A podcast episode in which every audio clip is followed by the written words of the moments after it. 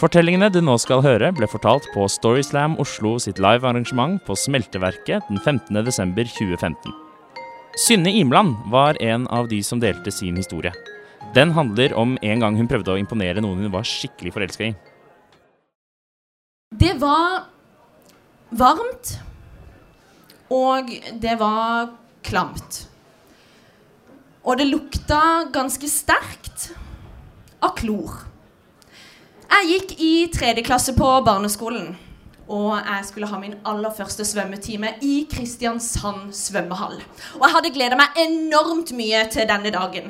Jeg hadde bedt mamma på mine små barneknær om ikke jeg kunne være så snill få lov til å få ny bikini til denne dagen. Og min mamma hun hadde sagt nei. For i vår familie, der eh, arver vi tøy av hverandre. Og jeg var så heldig at jeg nettopp hadde denne storesøstera si som akkurat hadde blitt så stor at hun hadde vokst ut av sin bikini. Så den hadde jeg på meg denne dagen. Det var en eh, blå trekantbikini med en truse som var litt stor. Men så lenge jeg blåste ut magen foran og spratt ut rumpa bak, så gikk det akkurat eh, greit. Svømmehallen den var delt i to for anledninga med en, eh, et blått tau fra den ene enden til den andre. På venstre side, der var grunna. Der eh, rakk vannet der til anklene. Eh, og det var kun de elevene som ikke kunne svømme, som skulle oppholde seg der. På høyre side, der var dypet. Det var fire meter dypt. Og det var kun de elevene som kunne svømme, som skulle oppholde seg der. Vokst opp på gård. Så jeg ble kasta ut i elva som treåring, så jeg anså meg sjøl som ganske svømmedyktig. Derfor styrte jeg naturligvis mot grunna Nei, beklager, mot uh, dypet denne dagen. Selvfølgelig. Men akkurat idet jeg skulle til å dyppe min åtte år gamle snertne barnekropp ned i det 34 og en halv grad varme vannet så fikk jeg se noe i mitt eh, veldig velutvikla sidesyn. Der borte, på grunna, der sto Petter Sævig. Petter Sævig, han var tredjeklasses prins. Og jeg elska han. I likhet med de 23 andre jentene i klassen. Petter, han hadde lyst bølgete hår. Han hadde glassklare blå øyne, og han hadde et fregnehav over en velproporsjonert nese. Petter Sævik han var ikke bare den vakreste gutten som hadde gått på Stokkeland skole. Han var også den kuleste. For han, han kunne rappe. På engelsk. Jeg kjente at jeg mista kontroll over min egen kropp jeg ble dratt opp av, av vannet og, og, sugd mot grunna. Jeg kjente min venstre hånd ta tak i noe og sette det rundt livet. Det var sånne gule svømmeboyer. Og så passerte svømmelæreren min som sa ja, men Synne, kan ikke du svømme? Og jeg hørte meg sjøl si nei.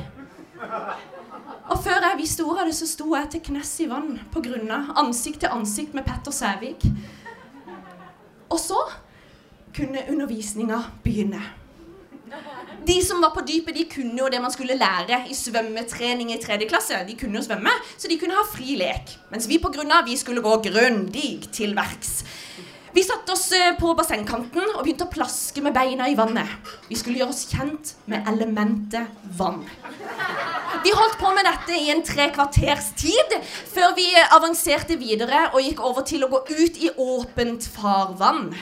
Vi skulle sette oss på kne og så skulle vi begynne å plaske med armer og bein og svømme som hunder. Eller katt. Vi kunne velge. Og så, når timen nærma seg slutten, så skulle vi avansere.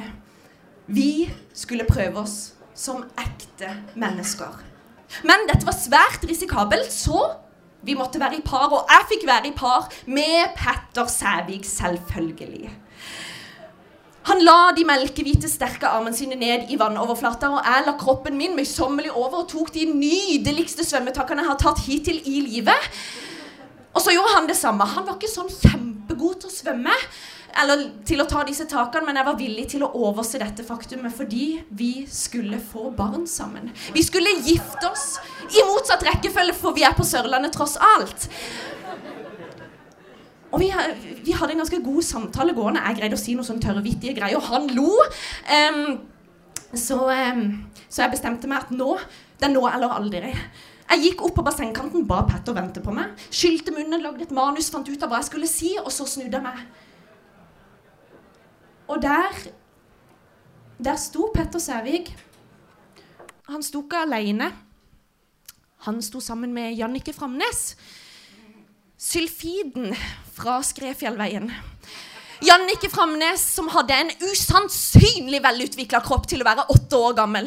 Fikk en ut av meg selv-opplevelse. Jeg skjønte at jeg ble nødt til å gjøre noe igjen. Kjente at jeg ble dratt langs bassengkanten, men denne gangen mot dypet. Jeg tok disse boiene som jeg hadde, og kasta de i vannet. Jeg gikk mot, uh, mot stupetårnet. Klatra forbi énmeteren, eh, forbi tremeteren, og på dette tidspunktet hadde de av oppdaga meg og ropte 'Nei, Synde, nei, du må ikke!' Men jeg kunne ikke ta hensyn til deres sarte sinne, og jeg måtte gjøre det jeg hadde satt meg ut for å gjøre. Og før jeg visste ordet, det sto jeg på stupet på femmeteren. Jeg kremta høyt sånn at Petter skulle se meg, og så bora jeg øynene mine inn i hans klar, glassklare blå øyne. Og så Så tok jeg sats. Og jeg fløy opp i lufta. Tre meter minst. Jeg hadde sabla god spenst på denne tida. Jeg gjorde en perfekt bue, slo armene ut i svalestup og så tilbake før jeg penetrerte vannoverflata. Jeg, jeg tok armene mine ut under vann for å lage et perfekt nedslag. Ti av ti poeng. Et mesterskap verdig. Men jeg var ikke ferdig enda. Jeg fortsatte og svømte som havfruen Ariel under den blå, stiprete linja fram til jeg kunne åpne øynene og se beina til Petter Sævig. Da, først da reiste jeg meg opp som havguden Poseidon foran han, og igjen borer jeg øynene mine inn i hans, og så venter jeg på reaksjon. Og jeg venta. Men den kom ikke. Han begynte i stedet å, um, å le. Og det gjorde de andre, andre også. Til og med den der dumme badevakta der oppe sto, sto og lo. Så jeg snudde meg rundt.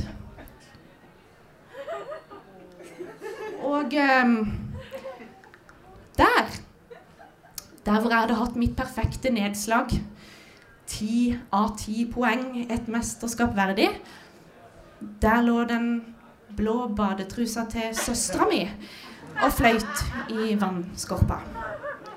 Takk for meg.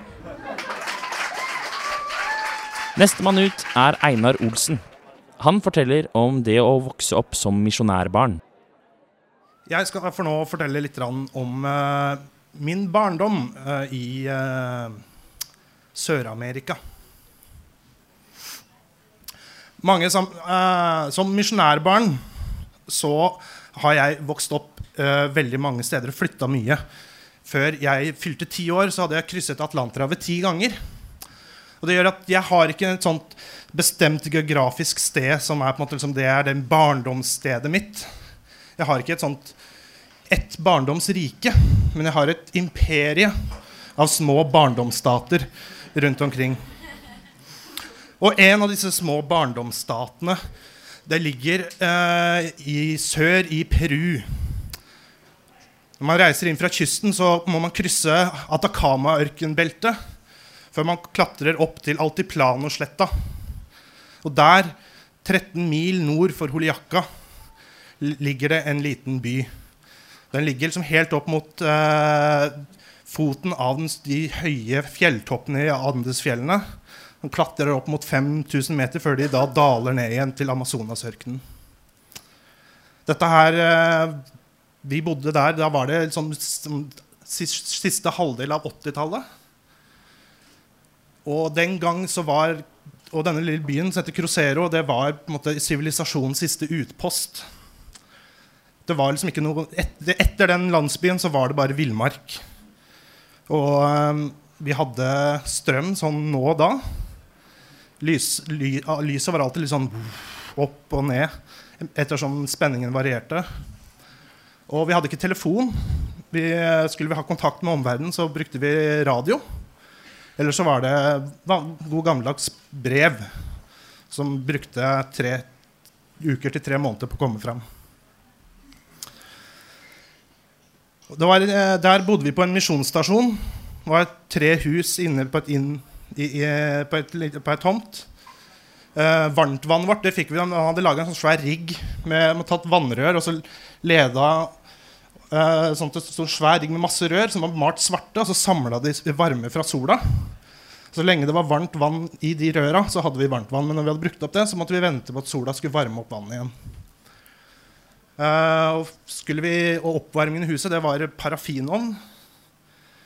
Og jeg husker alltid Når pappa fyrte opp den, så tente han også et stearinlys. Fordi når det stearinlyset slukka, så hadde den parafinovnen brukt opp alt oksygenet vårt. Og da måtte vi lufte. Uh, for det er veldig tynn luft. Vi, for dette her er, nå er vi oppe 4100 meter over havet. Så det var ikke så veldig mye oksygen i utgangspunktet. Og den, rundt denne tomta så var det en steinmur for å holde ja, ville hunder og andre ubudne gjester ut, ute. Og jeg likte alltid å klatre opp på denne muren. Fordi alle tomtene rundt hadde også murer. Så der hadde jeg mitt sånn eget private veinett. Der jeg kunne løpe i timevis rundt omkring i byen og se ned i gårdene til de andre naboene. Og vi var den eneste hvite familien i mils omkrets. Så jeg var veldig eksotisk å ha en sånn liten gringo løpende rundt. Et av mine sterkeste minner fra eh, Crucero, det var nattehimmelen. Det var ikke noe offentlig belysning. Så når uh, sola gikk ned, så ble det kølsvart. Og en helt enorm stjernehimmel åpna seg opp.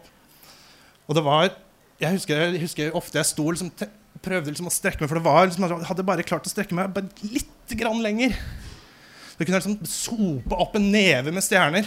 Det kjentes ut som det var bare rett, ut, rett utenfor fingertuppene mine. Men det var også et, si, et Um, det lå et mørke over denne, dette barndomsriket. Dette her var da eh, terrororganisasjonen Sendero Luminoso var veldig aktive i Sør-Amerika. De kjempet mot eh, staten. De kidnappet og henrettet politiske motstandere. De drev sabotasjeaksjoner. Jeg husker det at mamma ofte gråt og var engstelig når pappa måtte ut på oppdrag på jobb seint på kvelden etter mørket. Og hun måtte være alene hjemme med oss barna. Og en kveld så kom de. Vi hadde nettopp forlatt Crucero, for vi hadde skulle reist ned igjen i eh, lavlandet. Men den natta så kom terroristene til Crucero. De brøt seg inn på misjonsstasjonen og kidnappet misjonslegen som vi hadde med oss. Tvang henne inn i en av landcruiserne våre og tok, ba henne kjøre til sentrum, der hvor politihuset lå. Når hun kom dit, så sto hele politihuset i fyr og flamme. Og eh, det lå døde menn, politimenn. Der plukket de opp flere av terroristene, og så ble hun tvunget til å kjøre ut på sletta. Og etter en stund så stopp, ble de å stoppe bilen. Så gikk de av, og så måtte hun snu og kjøre tilbake.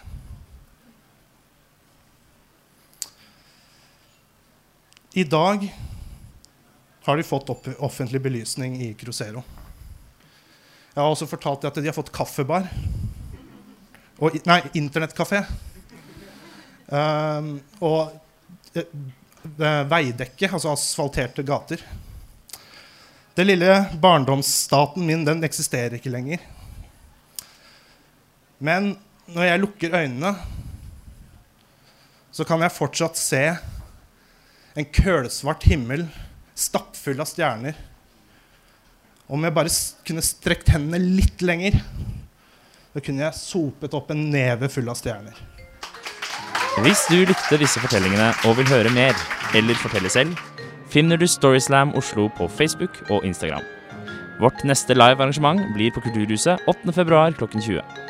I mellomtiden kan du abonnere på vår podkast, som kommer ut med ujevne mellomrom. Monster.